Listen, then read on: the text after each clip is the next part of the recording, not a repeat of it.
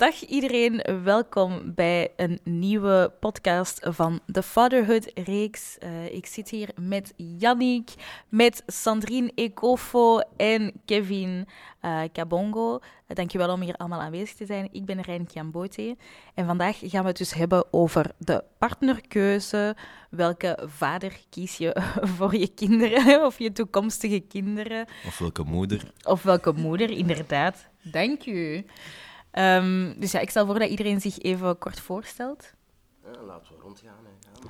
Uh, ik ben Yannick, ook gekend als Tonic. Uh, ik ben audiovisuele richting, dus alles wat dat met, van als het nog audiovisueel te maken heeft, ben ik in te vinden. En vandaag uh, kom ik mijn expertise delen. Ah, je bent ook vader, hoop ik dan? Ik ben vader. ik ben vader, kom, ik zit in de criteria. Nee, ja, ik ben vader van uh, twee kindjes, twee dochters. De oudste is zeven, de jongste is vier. Uh, en... en nu dat we het over uh, partnerkeuze gaan hebben, deze aflevering, iets over de mama? over de mama, ik, de pracht van de mama, Marieke. ja, ze is nog steeds aanwezig. We zijn samen aan, aan het vechten voor een goede toekomst voor onze kinderen, zou ik zeggen. Ja, ik ben uh, Sandrine Ekoffo. Ik ben beleidsmedewerker Congo voor uh, Broedelijk Delen. Ja, ik uh, ben mama, uh, maar ik ben ook getrouwd. Ik ben getrouwd met een Angolese man. Um, en we hebben samen een tweeling van twee jaar en vijf maanden. Ja, oh, dus, dankjewel. Twee jongens, twee meisjes? Twee meisjes, twee meisjes, ja. Nice. Uh, ik ben Kevin Kabongo, voorzitter van Waka Waka Generation. We zijn hier uh, allemaal samen rond deze podcast Touché um, om over uh, vaderhood te spreken, dus vaderschap. dit is onze laatste episode van deze serie, geloof ik. En zoals Raan het al aangaf, gaan we het hebben over partnerkeuze. Over black love, als ik het zo mag zeggen. mag dat, hoop ik. Ja, dat is niet per se black love, denk ik. We zijn gewoon allemaal zwart, toevallig. maar inderdaad, een partnerkeuze bij de opvoeding van uw kinderen um, is wel belangrijk, denk ik. Of dat heeft toch een invloed op de, in de opvoeding van uw kinderen. Um, Jannik, misschien kunnen we eens met jou beginnen. Je hebt, uh, je hebt daarnet aangehaald dat je dus nog samen bent met jouw partner. Zij heet Marieke. Um, van waar de keuze om, om met haar aan kinderen te beginnen? Uh, de keuze om met haar en kinderen te beginnen. Bij mij, ik, ik had zo een, een, een theorie die dat. Oei. Oei. Nee, ik, ik had gewoon bij mij uh, persoonlijk had ik zo het gevoel van. Ik vind dat je zo in een relatie, in relaties in het algemeen, vind ik zo van. Uh, in je leven heb je altijd zo één heartbreak. Zo één lange relatie die dat zo stopt. En dat is zo voor mij zo de, de, de moment waar dat je zo echt liefde gaat ontdekken van, van mm. de pijn en, en, en dat je zo, ja, een gebroken hart en weet wat dat, dat juist is om een gebroken hart te hebben. En begin je al zo'n paar dingen te zetten. En bij mij had ik zoiets van, ik moet drie jaar samen zijn met mijn partner voordat ik mijn kinderen begin. Waarom?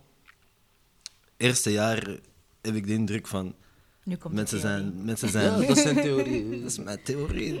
Ik zeg niet dat dat voor iedereen werkt, maar voor mij was er wel... We zijn benieuwd. Eerste jaar bent je altijd... Doe je domme dingen. Uh, bent je verliefd. Uh, liefde maakt blind. Jij geeft belachelijke bedragen uit voor een bepaalde date. Dat je eigenlijk zoiets had van... Ja, dat is totaal niet nodig. Uh, tweede jaar heb je al zo'n paar ruzies meegemaakt. Mm. Van, ah, oké. Mhm. Derde jaar heb ik zoiets van, kent je ongeveer hoe dat die persoon is? Het is te nemen of te laten. Neem je, doe je water bij de wijn. Een persoon volledig veranderen, dat gaat bijna niet. Uh, maar je weet ondertussen wat dat je aan, aan die persoon hebt na drie jaar, denk ik dan. Dus als je dan aan kinderen begint, ja, dan denk ik van, dan weet je al wat dat je aan je partner hebt. Mm. Denk, voor iedereen kan anders zijn. Je kunt misschien na twee maanden samen zijn, al een kind hebben en een super traject afgaan. Maar voor mij persoonlijk. oorspronkelijke theorie. En is dat ook zo gelopen? het is zo gelopen. Het is zo gelopen en het werkt. Voor mij, voor mij. Ik zeg niet dat dat voor iedereen zou mm. werken, maar voor mij werkt dat wel. Hoe was dat voor jou, Sandrine? Welke theorie heb jij toegepast?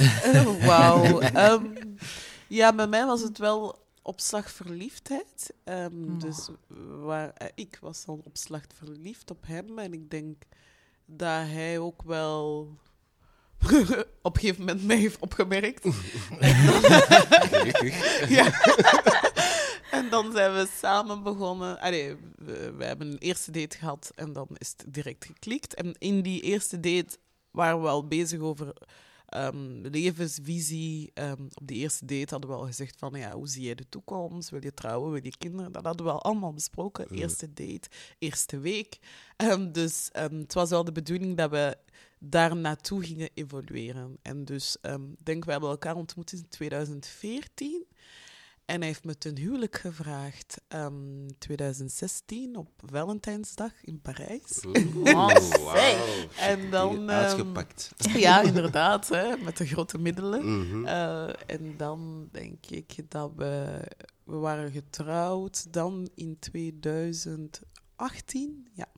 En een maand nadien waren we zwanger van de tweelingen. Maar, dus voilà. Ja. En wat was ehm, voor jou het belangrijkste bij, bij je partnerkeuze? En wetende dat je dan op termijn kinderen zou hebben met deze persoon? Voor mij was het belangrijkste levenvisie. Levensvisie van hoe zag hij het leven? Wat is belangrijk? Wat waren zijn waarden?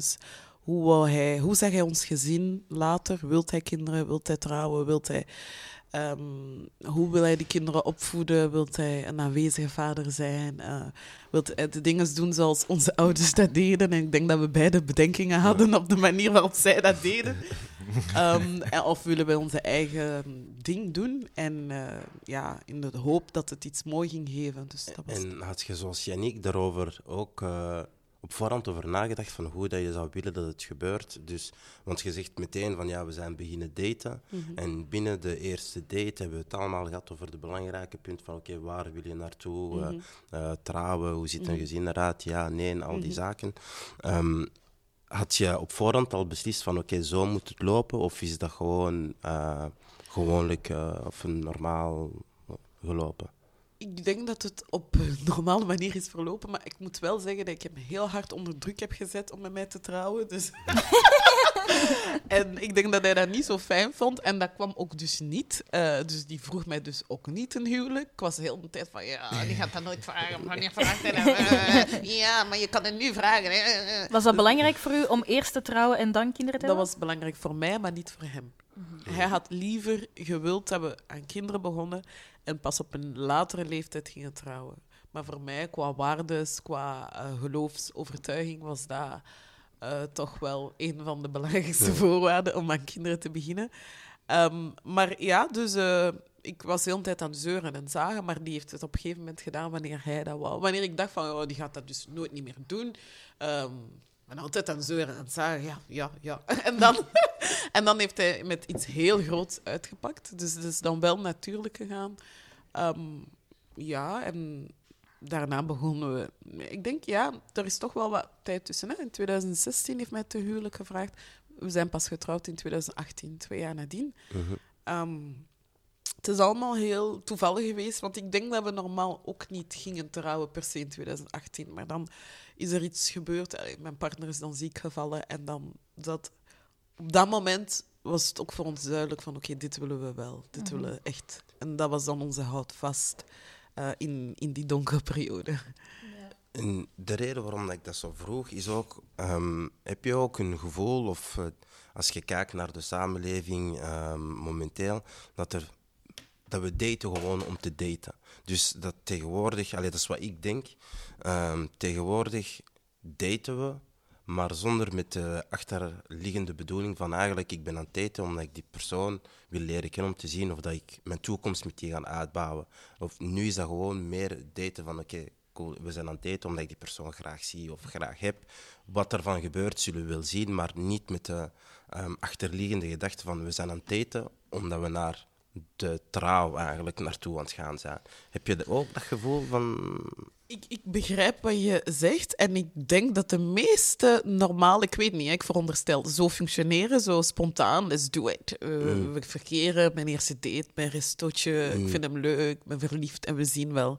Maar ik ben dan wel een geval apart. Ik ben wel, kan me beschrijven als een soort van control freak, omdat ja, voor mij het is ook dat cultuur en ook vooral dat geloof natuurlijk. Ik ben Mm. christene en in dat cultuur en dat geloof wordt er meegegeven van je moet de dingen goed doen. Hè? Dus je mag niet zomaar verkeren en doen wat je wilt. Allee, veel mensen doen dat natuurlijk, christenen of niet, maar zwart. Dus je krijgt zo'n soort van cultuur mee, opvoeding van je moet de zaken goed doen. Je kan ook niet zomaar met je vriendje en vriendinnetje thuis afkomen. Allee, ja, bij sommige ouders wel, maar bij de meeste niet. Het moet al wel eh, serieus zijn. Het moet al uw verloofde zijn of iemand die pretendeert om met u iets ja, op te bouwen.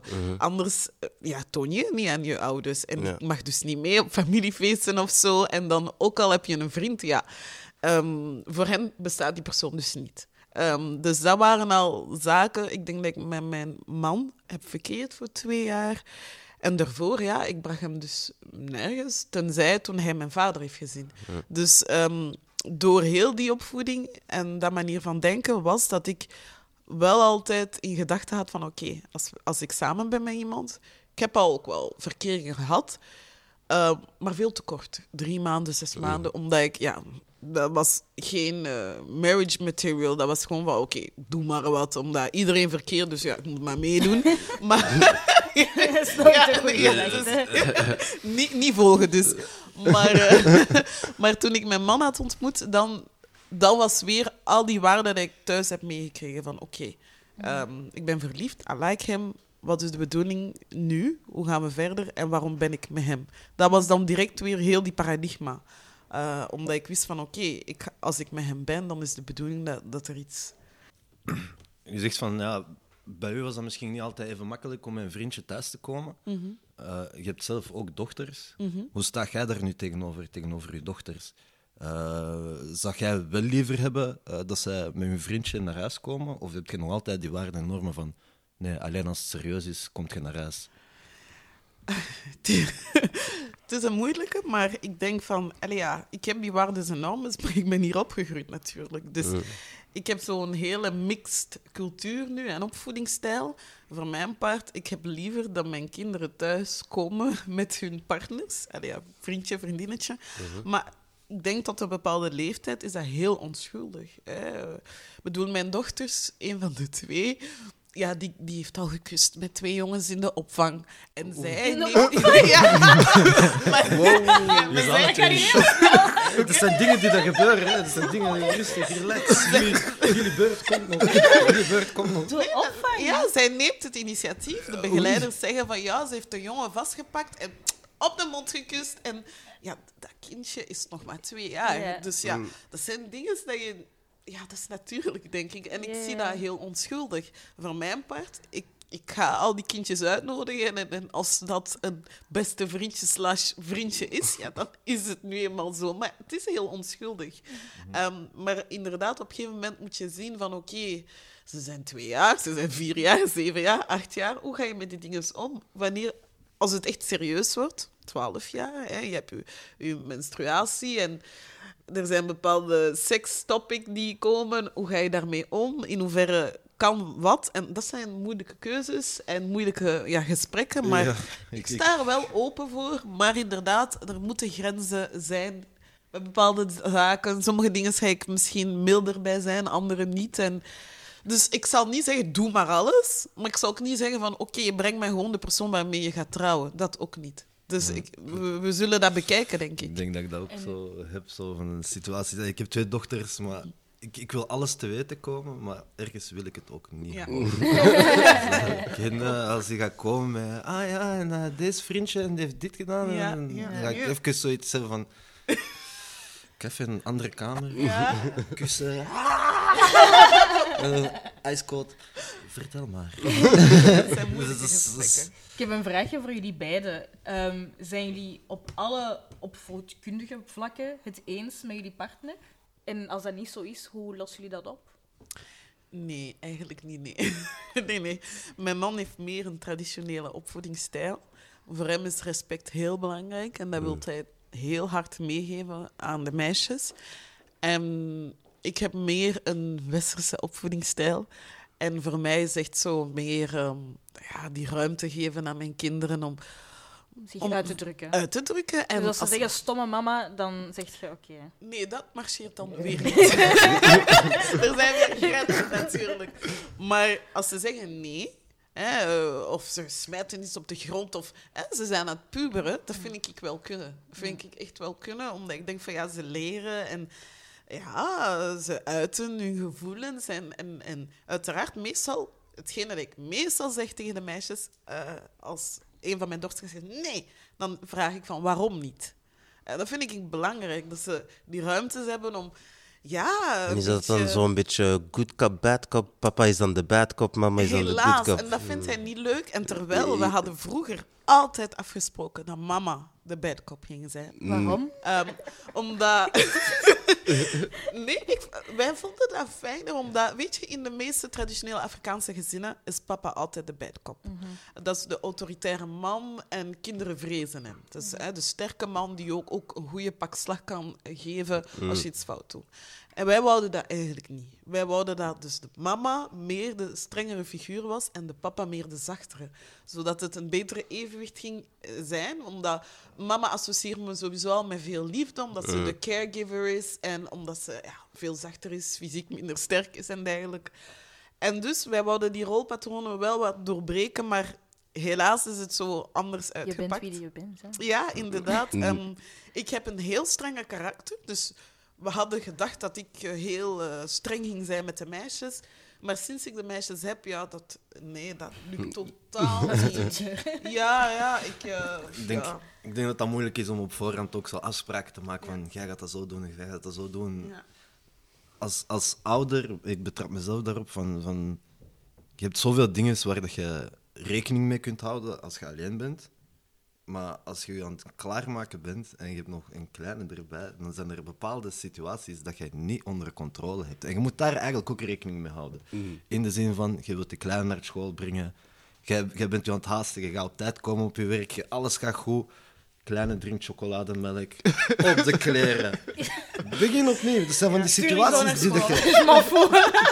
Ja, maar dat zijn situaties die dat je niet kunt controleren op voorhand. Eh, en, en ja, ik denk dat je dan aldoende je een beetje aanpast aan de situatie en zie wat dat werkt. Zo de good cop, bad cop. De ene keer ben ik de good cop en de andere keer is zij de good cop en andersom. Maar ja, ik denk dat dat moeilijk is om op voorhand te zeggen van die gaat dat doen, die gaat dat doen. Want er zijn zo en zo wel. En je hebt daar juist een punt aangeraakt. Eh, je hebt het over culturele verschillen en eh, de redenen waarom dat je ehm, zo zijn beginnen daten met je, eh, met je man.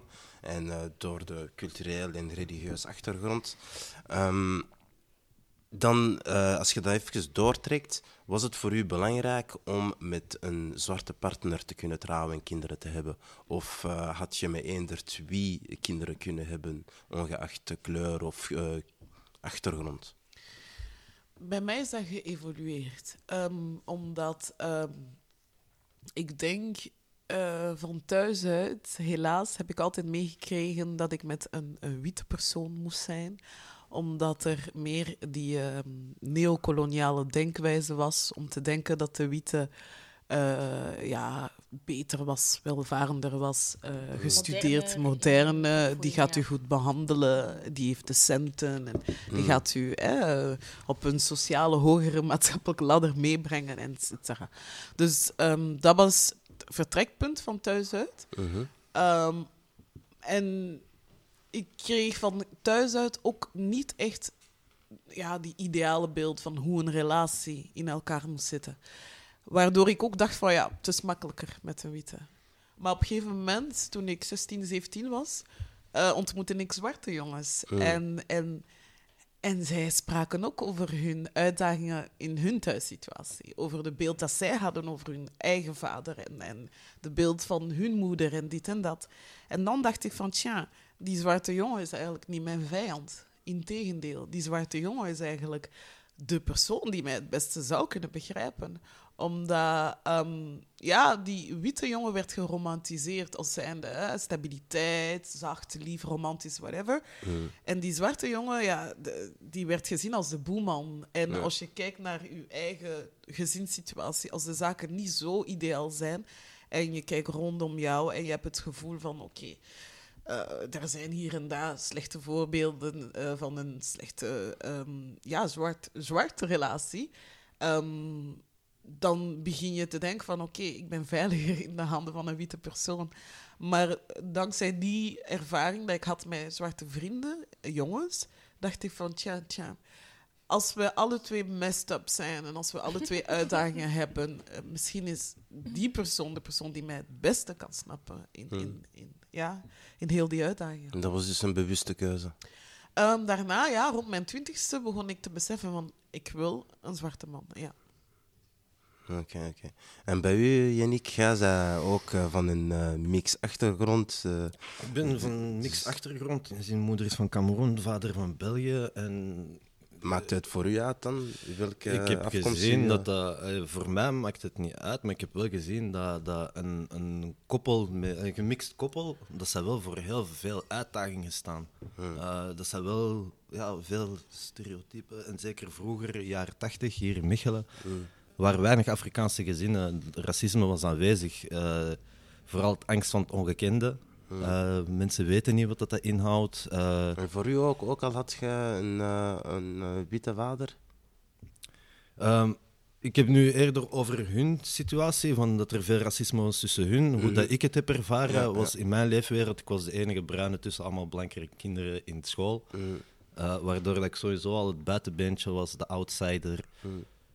Noem het hoe dat je het wilt noemen. Maar ik heb lang in die identiteitscrisis gezeten. In Ja, de ja. zin van, waar hoor ik thuis? Ehm, blanke gemeenschap bezien me als zwart. Zwarte gemeenschap bezien me als blank. Mm, wij zijn nergens thuis, dat maakt dat we ons overal thuis gaan voelen. Mhm. En dat we ons overal ons eigen thuis gaan maken. Dus waar dat we ook zijn, we proberen er het beste van te maken. Ja. En dat is de situatie wat het is.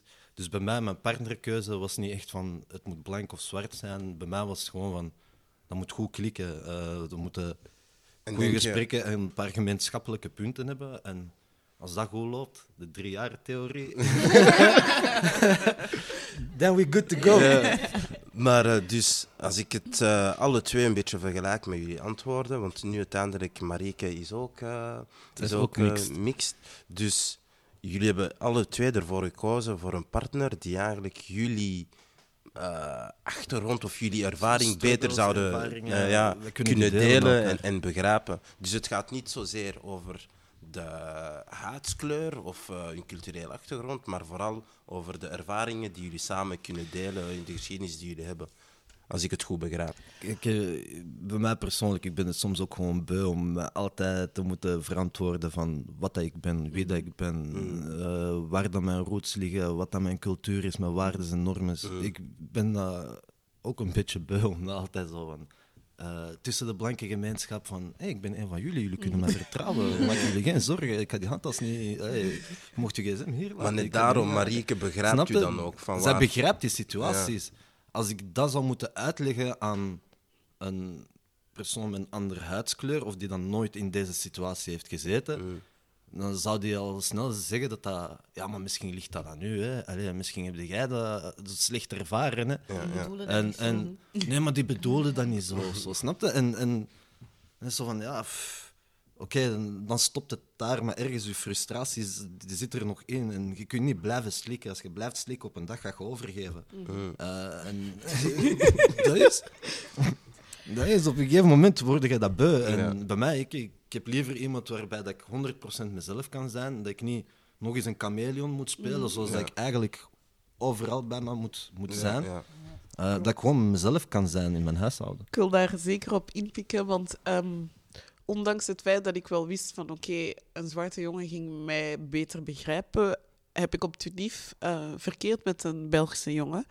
Maar ehm, het voelde vreemd aan voor ons beiden, omdat mensen keken ons continu. Precies als we in een taxi waren. Raar, hè? Echt, en dat is niet zo, veel, niet zo lang geleden. Hè? Ik denk van misschien negen jaar geleden of zo. En ehm, ja, dat voelde ongemakkelijk. En we hadden het al van... eh, gaat uw familie mij aanvaarden, ja of nee? En zijn ze open voor zwarten? En soms kreeg je ook gewoon opmerkingen op straat van mensen. En ik voelde ook inderdaad dat hij me niet zo begreep, omdat onze leefwereld waren Van veel welke te... mensen? Was dat, puur eh, van, vanuit eh, de blanke gemeenschap of de twee. zwarte gemeenschap? Alle, twee. Iedereen keek ons raar. Mm. Soms opmerkingen van een zwarte, soms opmerkingen van een witte. Mm, alle mm. twee.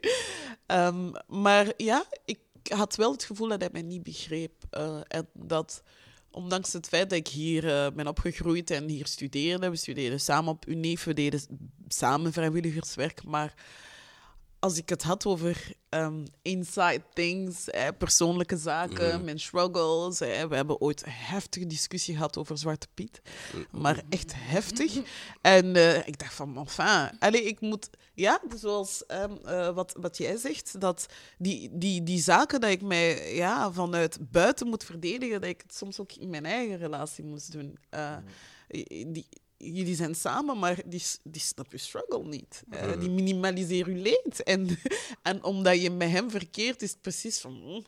Ja, precies dat hij ook nog meer mag of zo. Dat is nog het gevaarlijke. Hij denkt van, ik verkeer hier met een zwarte, dus ik kan helemaal niet racistisch zijn. En eh, dus ik vind Zwarte Piet goed. Dus ja, jij beschuldigt mij van racist. Maar like, dude, maak het toch niet zo persoonlijk. Eh, ik heb het over de stereotype en de ervaringen die ik heb meegemaakt. Dat ze mij meerdere keren als Zwarte Piet hebben ja, behandeld of bestempeld toen ik jonger was. En dat is iets traumatiserend. Dat is mijn ervaring. Hoe kunt jij zeggen dat mijn ervaring nu niks doet en dat het u kwetst? Allee, hoe, hoe gaat het opeens van mijn gevoelens naar uw gevoelens? Maar echt zo van die...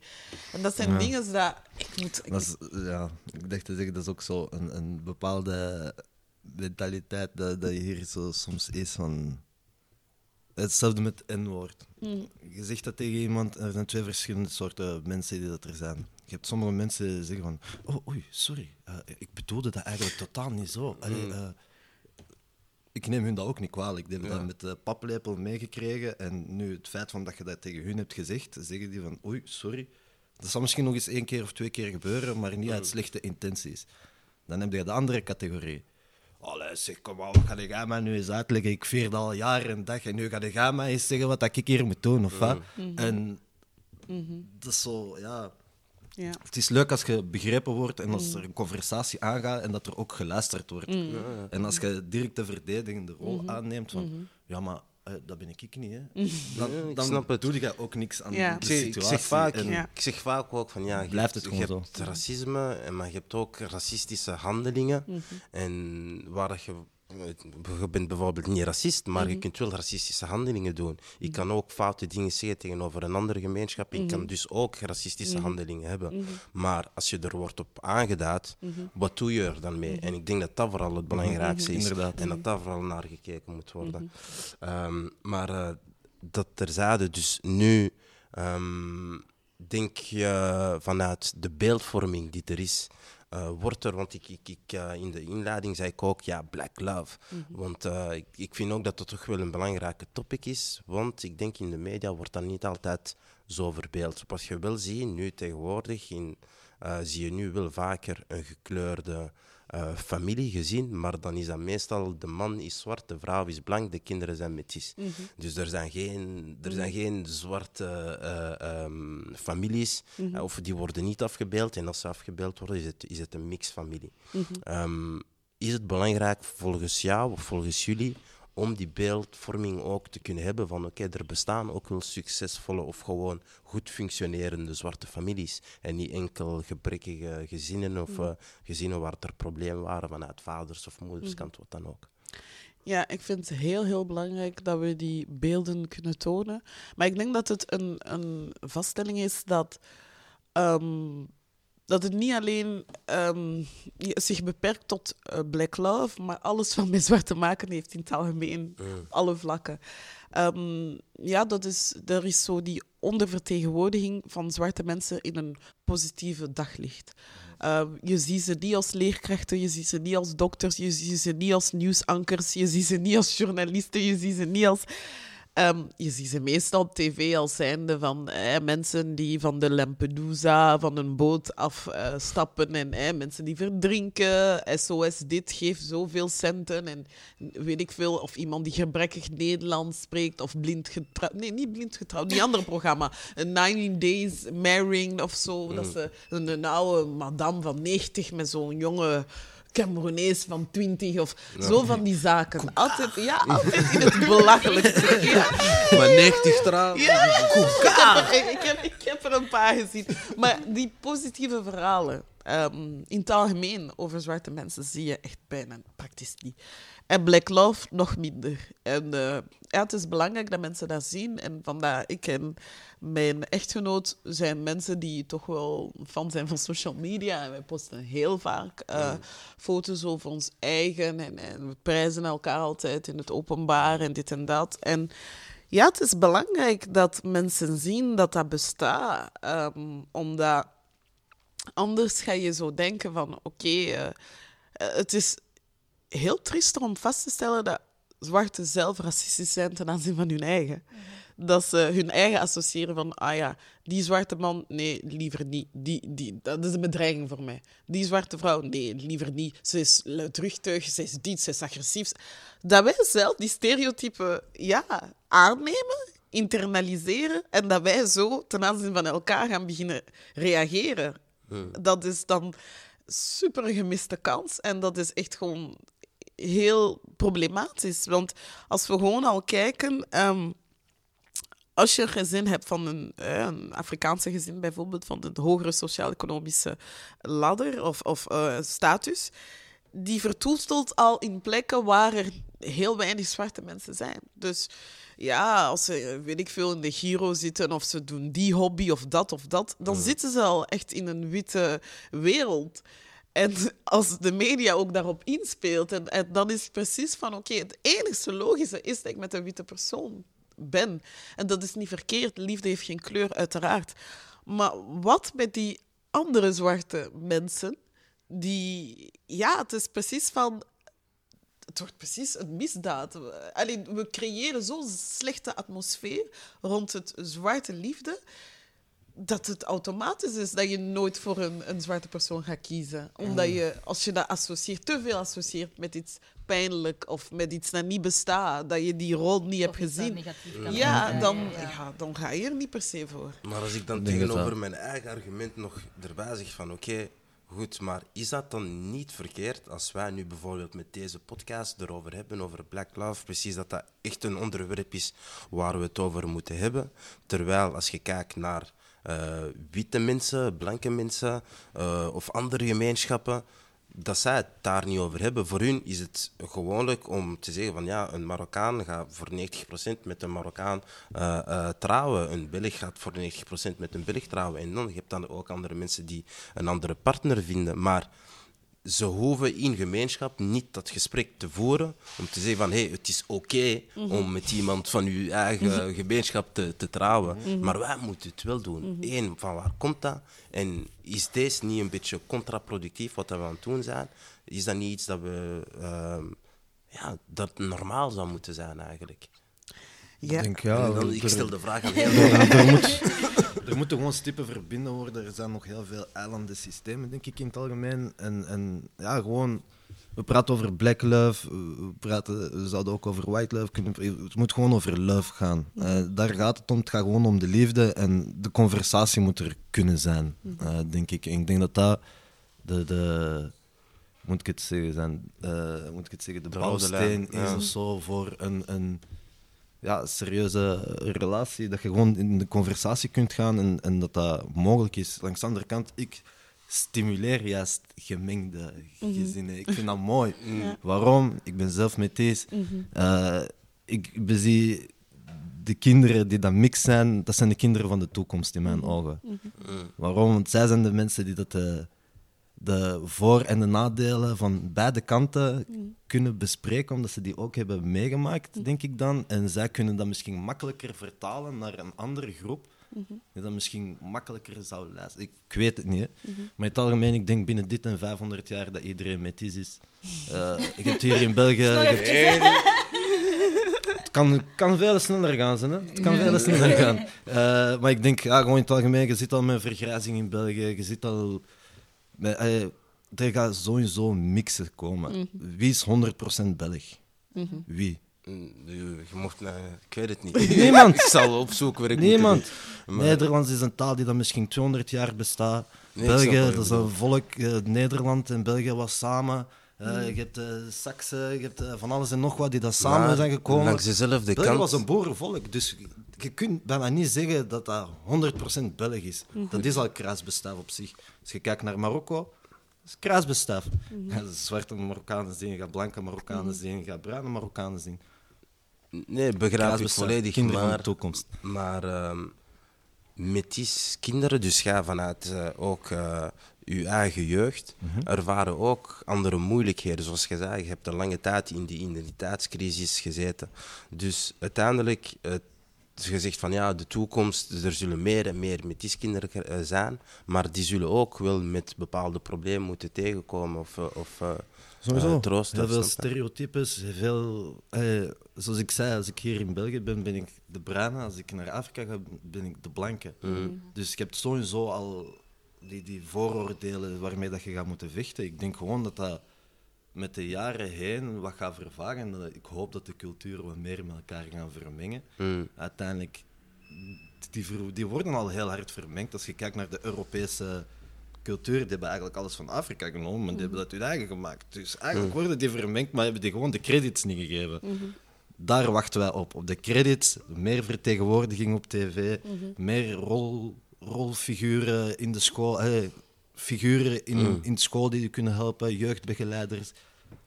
Daar hebben wij nood aan, denk ik dan persoonlijk. En Gaan we nog iets Ja, ik wil daar ook nog iets op toevoegen. Ehm, waarom ik persoonlijk pleit en voorstander ben voor Black Love, is omdat ehm, vanuit Black Love creëer je zwarte kinderen. En als je een gezonde Black Love hebt en dat je een gezonde thuis, thuissituatie hebt, gezonde kinderen die daaruit komen en die goed in hun vel eh, zitten, dan vind ik dat dat een positief signaal is. Want nu hoe, hoe we in deze samenleving leven, hetgene dat wordt geassocieerd met goed zijn, met succesvol, is eerst en vooral wit.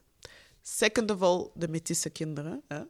Omdat men zo het idee heeft, wit, alles wat met wit is geassocieerd, ook al hè, mixed race, dat wordt aanvaard. Als ik op een werk kom in, in verschillende situaties, het is een witte plek, vooral uh, als je gestudeerd hebt. Uh, ik heb UNIF gedaan eenmaal. Als je op hogere geladingen geraakt, Mm.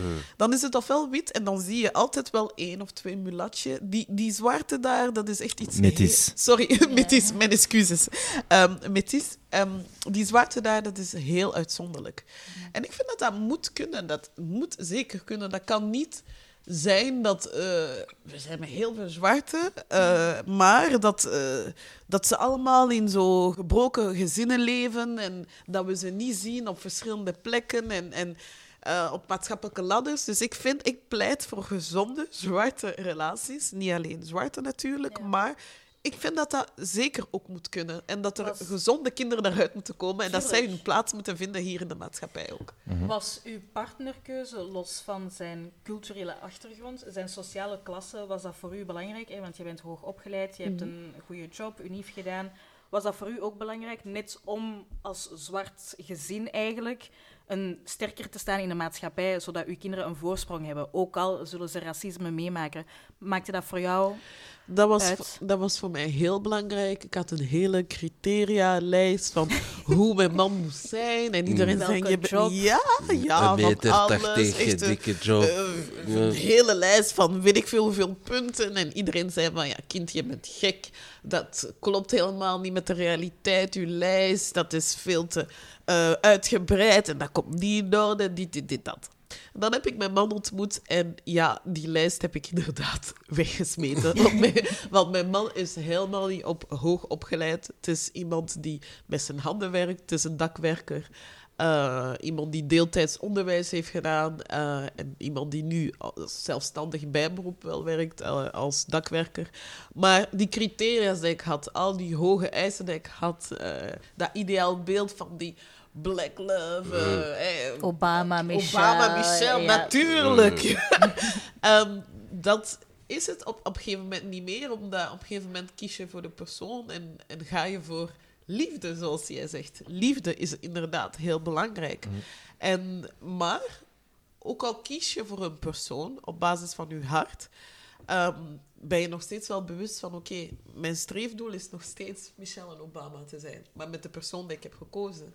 Ehm, ik zal zorgen dat hij het beste uit zich haalt, met de capaciteiten dat hij heeft. En ik zal het beste uit mij halen. En samen zullen we geraken. Maar die sociaal-economische eh, barrière heeft dan eigenlijk geen rol gespeeld.